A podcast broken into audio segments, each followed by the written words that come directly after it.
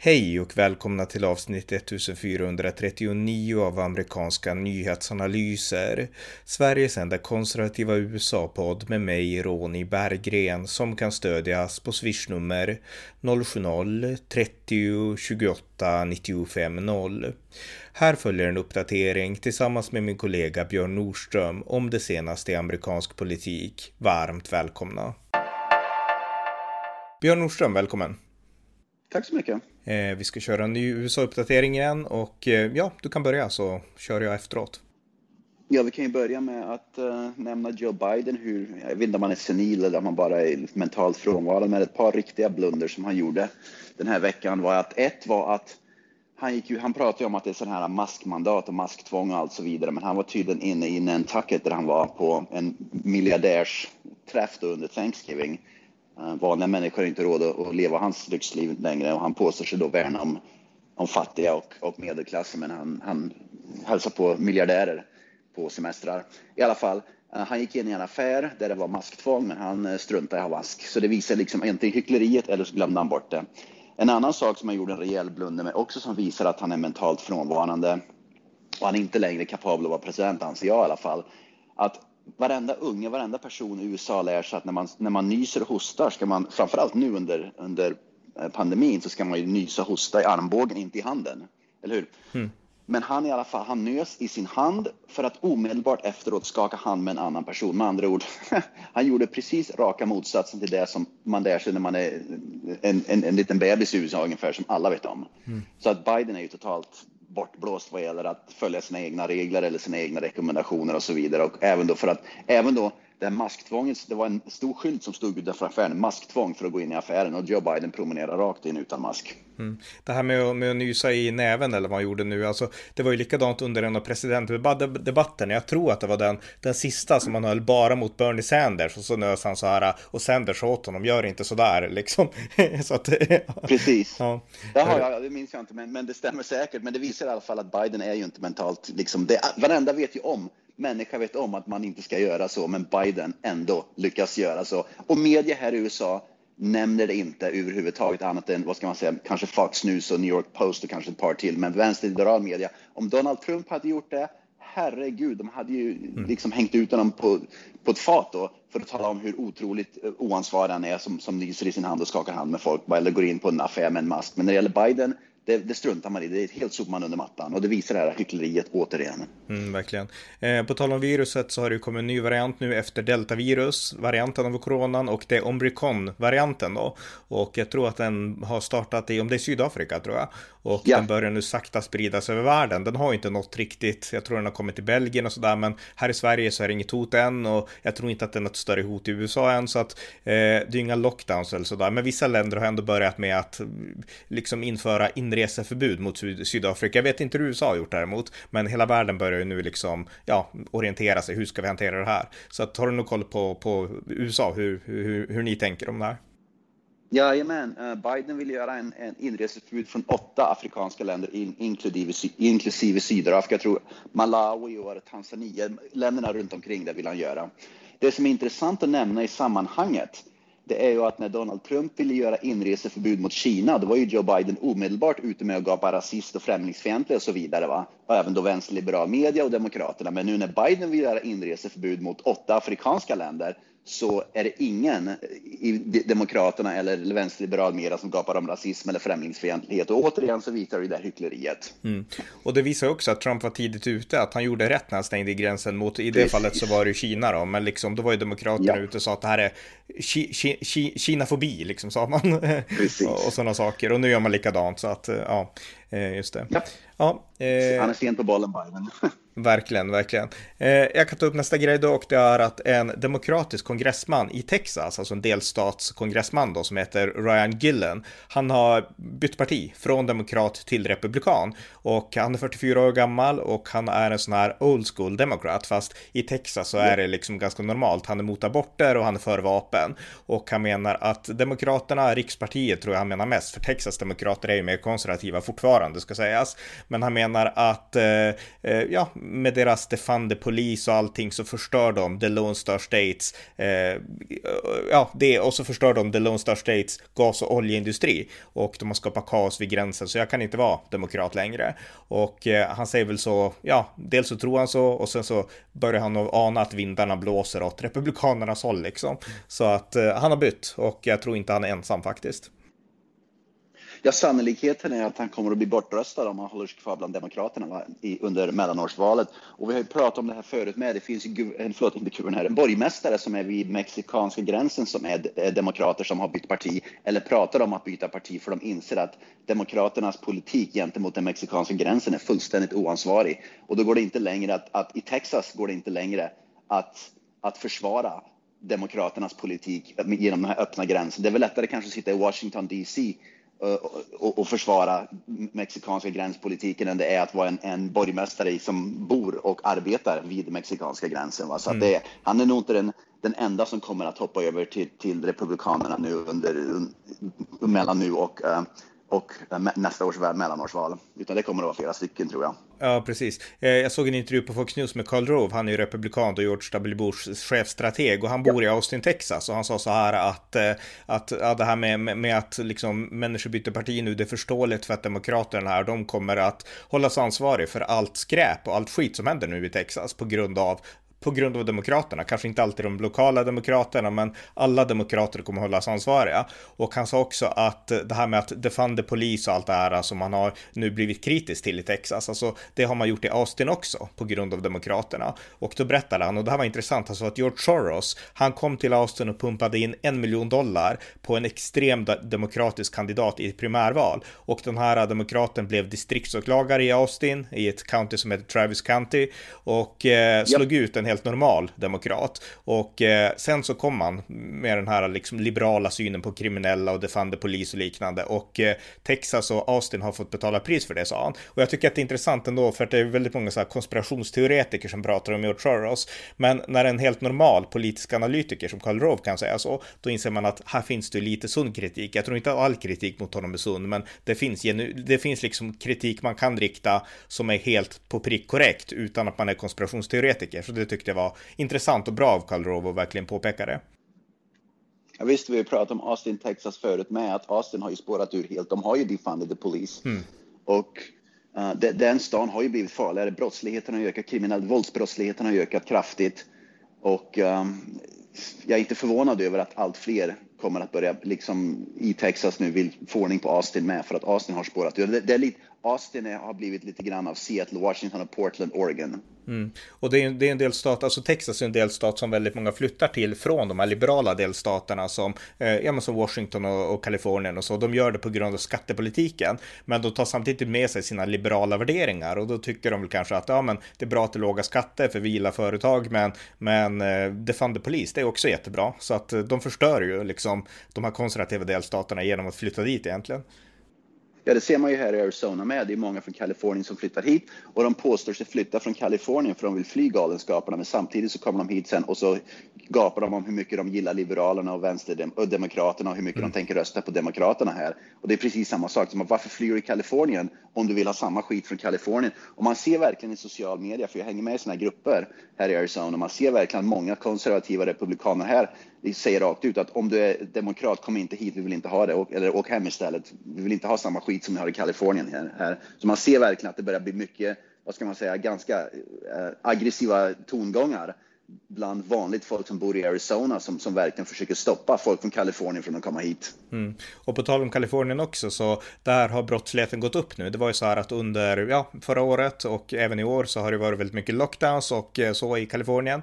Men det har man börjat, man har börjat lätta på det och det har gjort att ekonomin har sakta börjat komma i rullning igen. Men det gäller också brotten och brotten har gått upp med, våldsamma brott har gått upp med 25 procent från förra året och läser jag i Los Angeles Times nu idag. Och eh, speciellt ute på offentliga, eh, offentliga transporter, tunnelbanor, tåg och sådana saker. Och folk blir rånade, folk blir ja, men till och med våldtagna och vissa blir till och med mördade, alltså när de bara står på stationen och väntar på pendeltåget liksom. Och det här har gått upp och det är en stor diskussion om det här nu, hur ska man hantera det här? Polisen är i bråk med liksom de här transportstyrelserna, alltså det är politiska bråk och, och sådär. Så att det verkar vara kaos. Och jag läste också om en vakt, en säkerhetsvakt i Oakland i, i, i Kalifornien som vaktade ett, ett tv-team som var ute och skulle filma. För det är så här att de har någonting som heter smash and grab eh, inbrott. Ja, det just komma till det. Okej, okay, okej, okay. men jag, jag, säger det och så får du fylla på då. Liksom ja. är, ja, eh, där man liksom springer in och så stjäl man saker i en butik. Och filmteamet var ute och filmade det och eh, då så hade de en vakt med sig då. Och de här brottslingarna tog filmteamets grejer och sköt vakten och han dog. Och jag menar det, ja. jag antar att de fick det på film, det vet jag inte, men fruktansvärt i alla fall. Eh, skjut in det du skulle säga om det. Jag tänkte säga det är den nya typen av brotten som nu börjat ske i stor skala, framförallt i Los Angeles och San Francisco där man har just dragit ner på polisverksamheten och defunded polis och allt sånt där under äh, förlåt, guvernören Gavin Newsom som har varit väldigt, vad ska man säga, han har ju också liksom inte direkt varit polisvänlig de senaste åren. Va?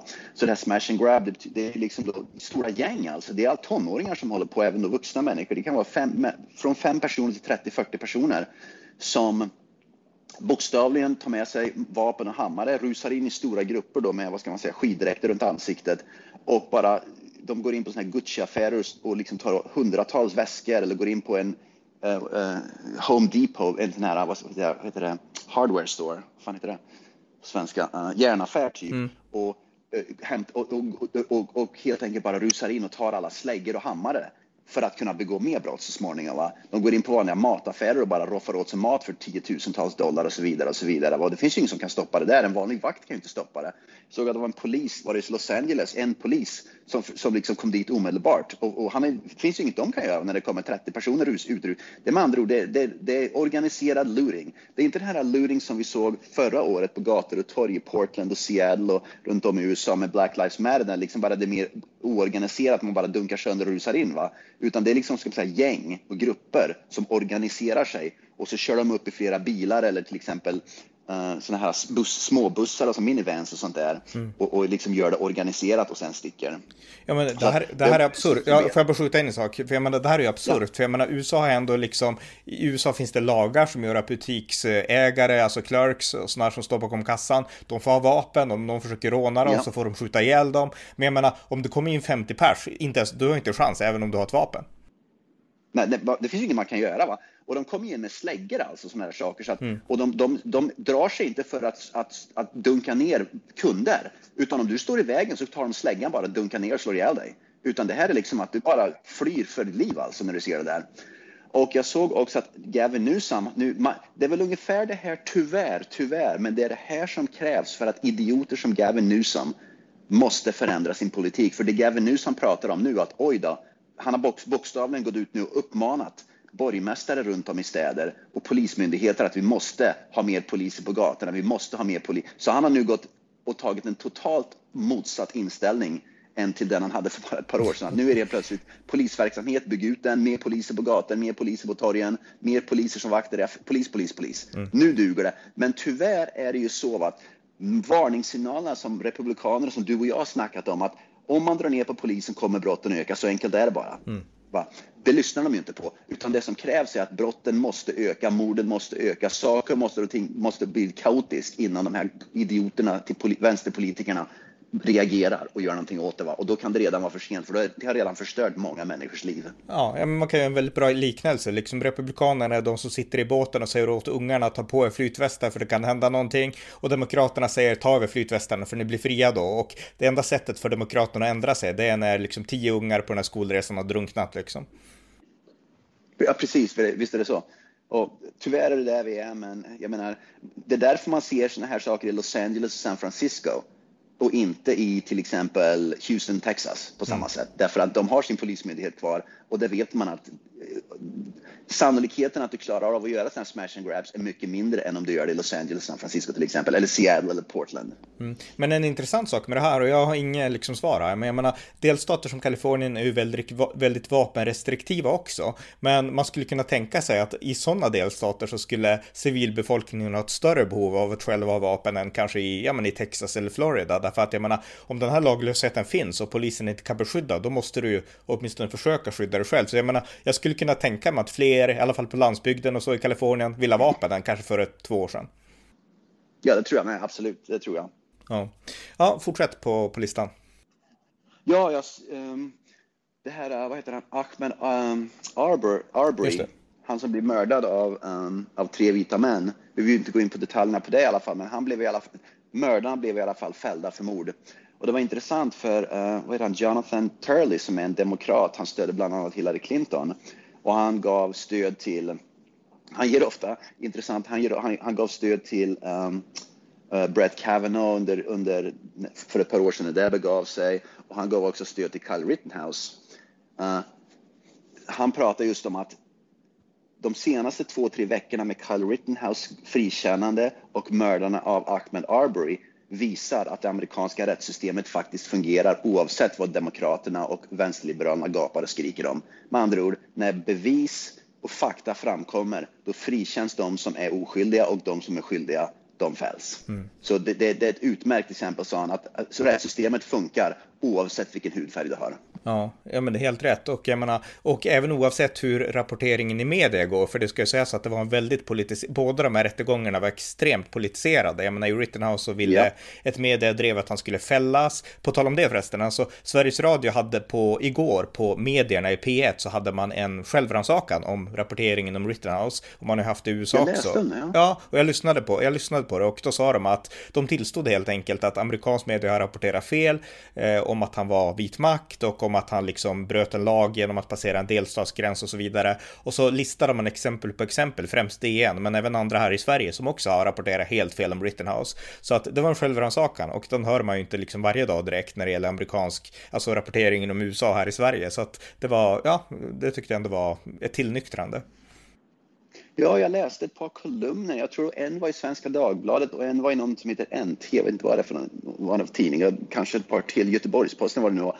Jag minns inte riktigt vilka det var, men jag har läst flera svenska kolumner i svensk media som helt enkelt pratar om att Rittenhouse, som förklarar varför Rittenhouse var oskyldig och som i princip förklarar varför han inte var den som media målade upp. Med andra ord, de tog honom till försvar. Så det verkar som att det är en tillnyktring och det är ju bra. Mm. Det problemet som kvarstår i Sverige, det är att att, att DN, och Aftonbladet och, och, SVT och så vidare, va, de går ju efter CNN och vi vet ju att CNN är ju fruktansvärt missledande och ofta ljuger. Det de borde göra, om man tycker att en journalist borde ju faktiskt titta på, som en journalist och skribent så borde man gå ut och titta på båda sidorna av en historia för att försöka förstå, få ett bättre grepp om vad som pågår. Va? Så man kan ju tycka att det är rimligt att om de går och tittar på CNN och vad som pågår under, under en, en, en, rapport så borde man också titta på till exempel Fox News för att se en, ett motsatt perspektiv. Det borde man göra, sen rapportera bägge. Då har man liksom helgarderat sig när man pratar om det här är liksom den ena sidan, det här är den andra sidan. Det är liksom normal journalistik tycker man, att man tittar på bägge sidor och försöker framföra så mycket olika fakta från olika perspektiv för att, för att ge en helhetsbild. Men svensk media gör ju inte det. De har ju förkastat konservativ media i USA enbart för att gå efter vänsterliberal media. Som vi vet, det är samma det här den här Steel Dossier som vi pratade om flera gånger förut. Det är precis samma sak där nu när, när Washington Post, över, över ett dussin korrektioner har de gjort de senaste veckorna, när de erkände hur brakfel de hade kring den. Va? Men svensk media går ju bara efter de här Washington Post, New York Times, CNN.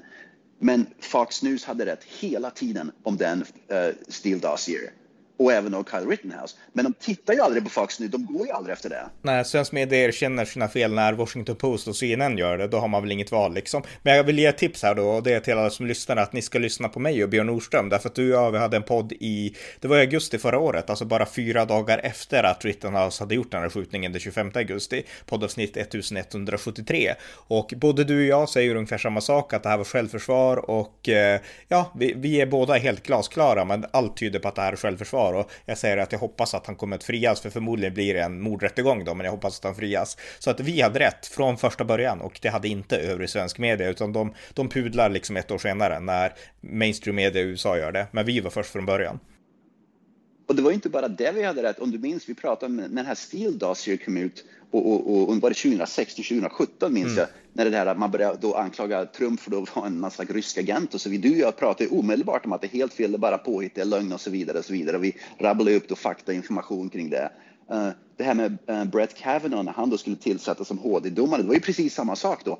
Att vi pratade ju tidigare om att det här är bara falska anklagelser och så gav vi, rabblade vi upp då fakta och information kring det, medan svensk vänsterliberal media enbart gick efter narrativet som skapades av CNN, New York Times, Washington Post, som visade sig vara rena lögner om Brett Kavanaugh eller om det stil, allt det där. Va? Mm. Och det, det är samma sak att den som vill lära sig något om USA ska inte gå efter svensk media, punkt slut bara.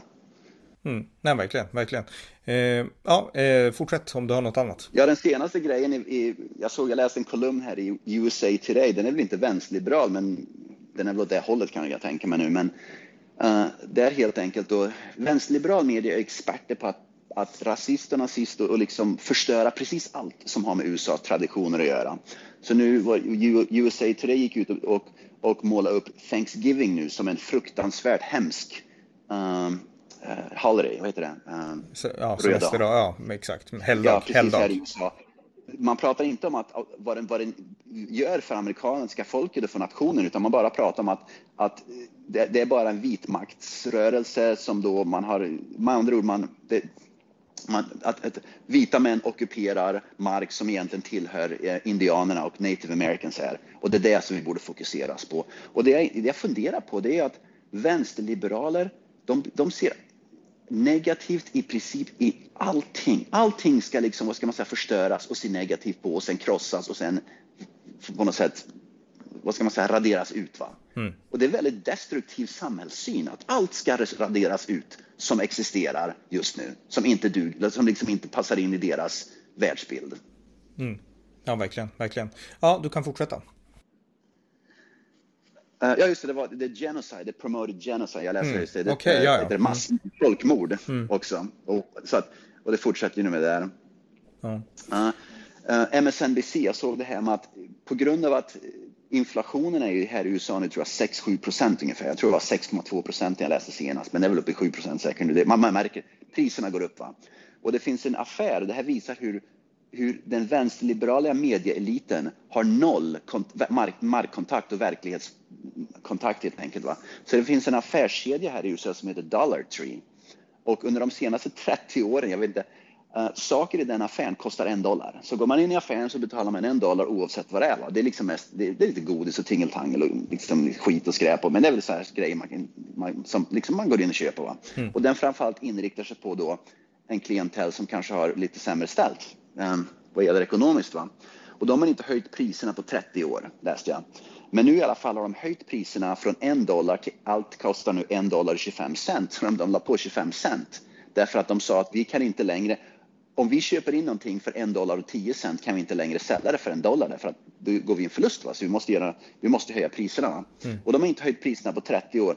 Men en vänsterliberal, hon heter Stephanie Ruley, hon är då och jobbar för MSNBC, en vänsterliberal mediaelit där, gick ut och omedelbart kritiserade Dollar Tree för att de höjer priserna och försöker vad ska man, förstöra livet för svarta och för fattiga. Va? Utan att begripa att anledningen till att Dollar Tree höjde priserna är för att inflationen under Biden har ju skjutit i höjden. Så om inflationen inte hade skjutit i höjden, då hade de inte behövt höja priserna.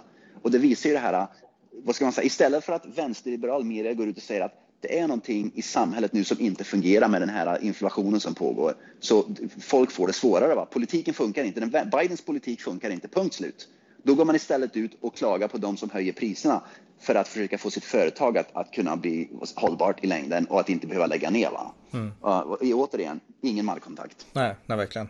Eh, ja, eh, nästa sak jag kan nämna är att det finns en republikansk kongresskvinna som heter Lauren Boebert och hon är en Trump-supporter och hon är också en islamkritiker och hon kallade Ilan Omar, då, den här muslimska kongresskvinnan från eh, Minnesota, hon kallade henne för en del av en jihad squad, sa hon då, den här republikanska kongresskvinnan. Och eh, jag tyckte att det var kul, alltså jag har inget emot det liksom, det var, det var rätt roligt då. Men hon fick be om ursäkt och hon gjorde det också, att I apologize to anyone in the Muslim community om jag har liksom gjort anstöt. Och givetvis yeah. så, så ja, tyckte såklart Omar att det här var liksom anti-muslim bigotry och liksom det här är inte kul och det här liksom normaliserar islamkritik och så vidare. Och hon hoppades då att Kevin McCarthy då som leder representanthuset för republikanerna skulle läxa upp henne och så. Men jag kan tycka att det var, det var rätt harmlöst. Jag menar, det är inte så att Ilan Omar är en jihadist på riktigt, men jag skulle säga att hon är en, ja, hon är definitivt ett verktyg för islamisering. Det går liksom inte att komma ifrån det. Och det kan man uttrycka på olika sätt, men att liksom bara försöka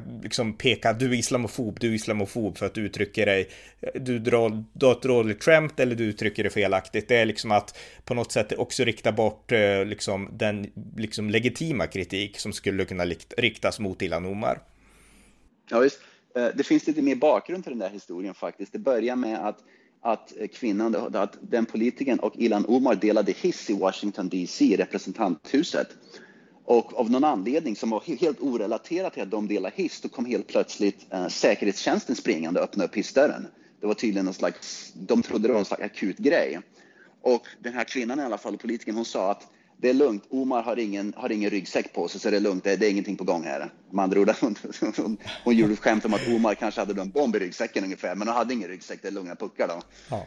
I alla fall. Och en sån, en vett, om Ilan Omar hade varit vettig där, då skulle hon ju sagt att det var ett roligt skämt, inte blåsa upp det till en ja. stor grej liksom. Men det, men det säger Precis. ganska mycket. Det säger mer om Ilan Omar än om Lauren Boebert. Precis. Precis, och det, precis. Och det, det är väl ungefär så många tyvärr. Det är därför det, jag tror att, att, att, den här, vad ska man säga, att, att det, det, går så långt att hon vägrar ta, och det Demokraterna och vänsterliberaler gör generellt, de vägrar liksom att förstå att, att man kan faktiskt skämta, ha kul om saker och ting. Det, det skapar ett bättre samhälle. Mm. De, allting som sägs ska, med, ska liksom vägas på, på våg och sen ska man då försöka hitta någonting som man kan attackera det med för att man ska bli då offended ungefär och sen då ska det bli en politisk grej av det hela. Va? Och det har liksom förstört hela samhällsdebatten. Ja.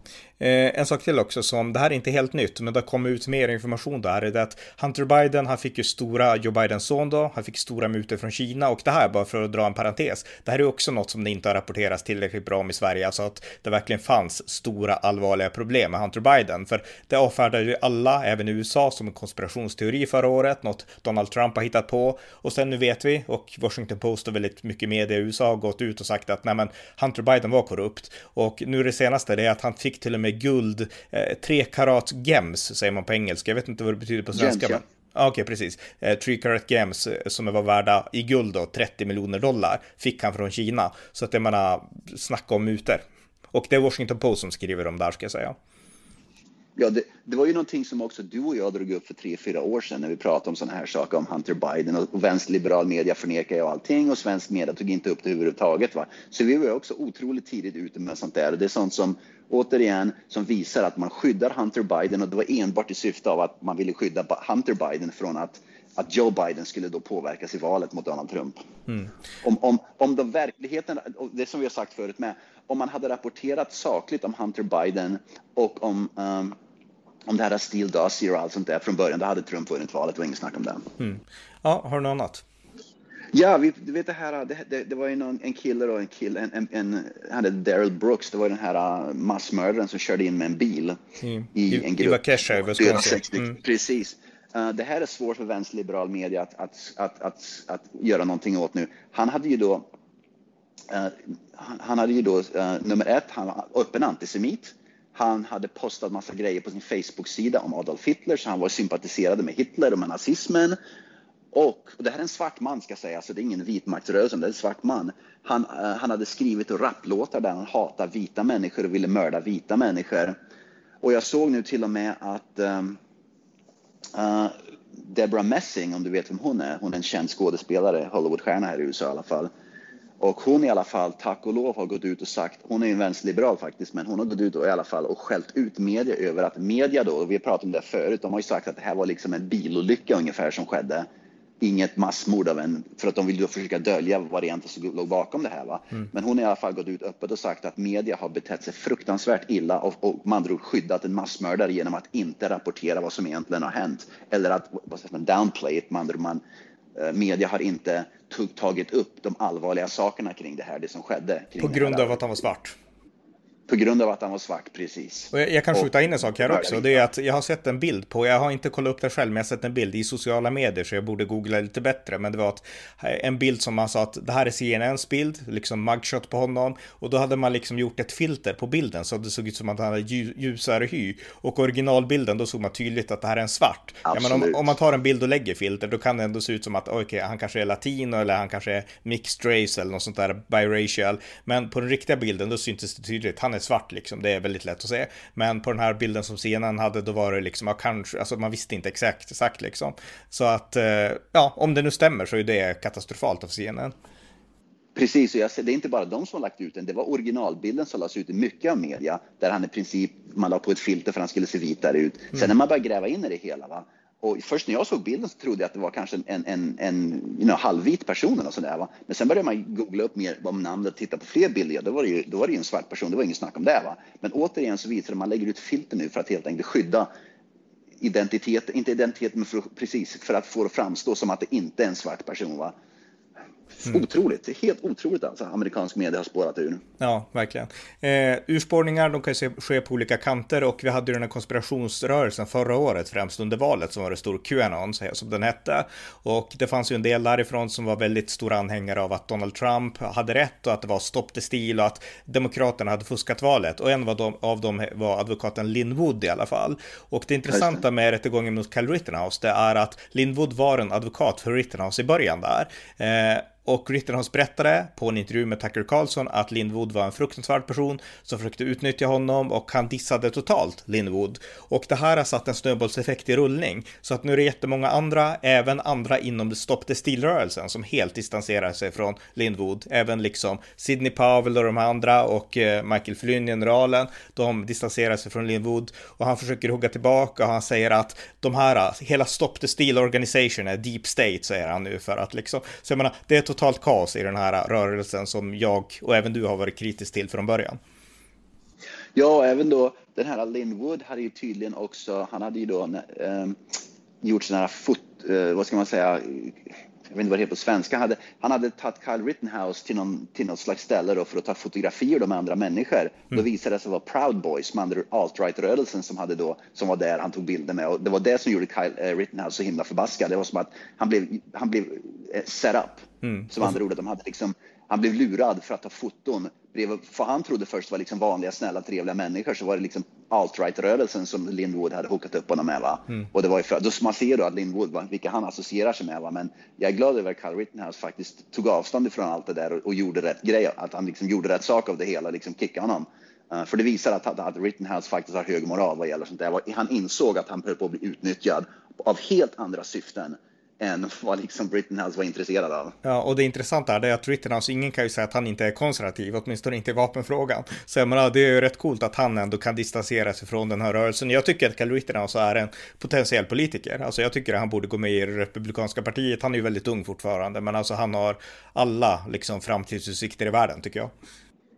Ja, han, han, säger att han vill flytta till Arizona nu här till eh, där jag bor ungefär för att ja. börja plugga. Det är där, hans planer är. Men, men ingen, han säger själv att han vill inte bli politiker, men, men killen är ju bara 18 år. Alltså, men han har ju ja. några år på sig att fundera på saken och han, förmodligen så kommer han bli politiker så småningom. Det, det, det, han har ju, det finns, flyttar han till Florida eller Texas eller bor i Arizona så, så blir han omfamnad som en framtida politiker. Det är inget snack om det.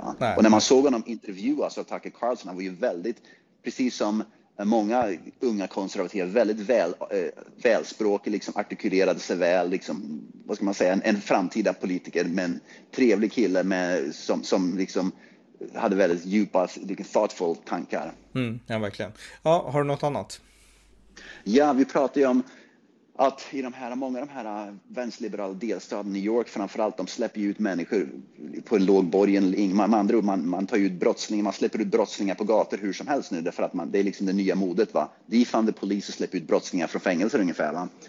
Och det var en man här då läste jag som släpptes ut från ett fängelse uh, för de, de droppade hans uh, uh, borgen så han liksom mm. kom ut istället för att sitta inne då.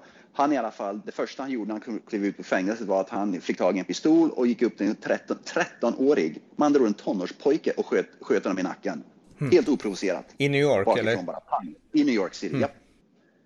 ja. Så det visar att New York har liksom spårat ut fullständigt. Va? Och det visar ju det här att den här 13-åriga pojken blev ihjälskjuten och det kunde helt ha förebyggts om inte den förbaskade galningen Bill de Blasio som är borgmästare där hade, um, hade liksom släppt ut honom på gatan i syfte då för att, att tjäna någon slags vänsterliberal agenda då vad gäller den här kriminalpolitiken. Det intressanta blir ju om nu, ja verkligen, det intressanta nu det blir om den nya borgmästaren då Eric Adams som är svart, alltså kommer Precis. att styra upp där.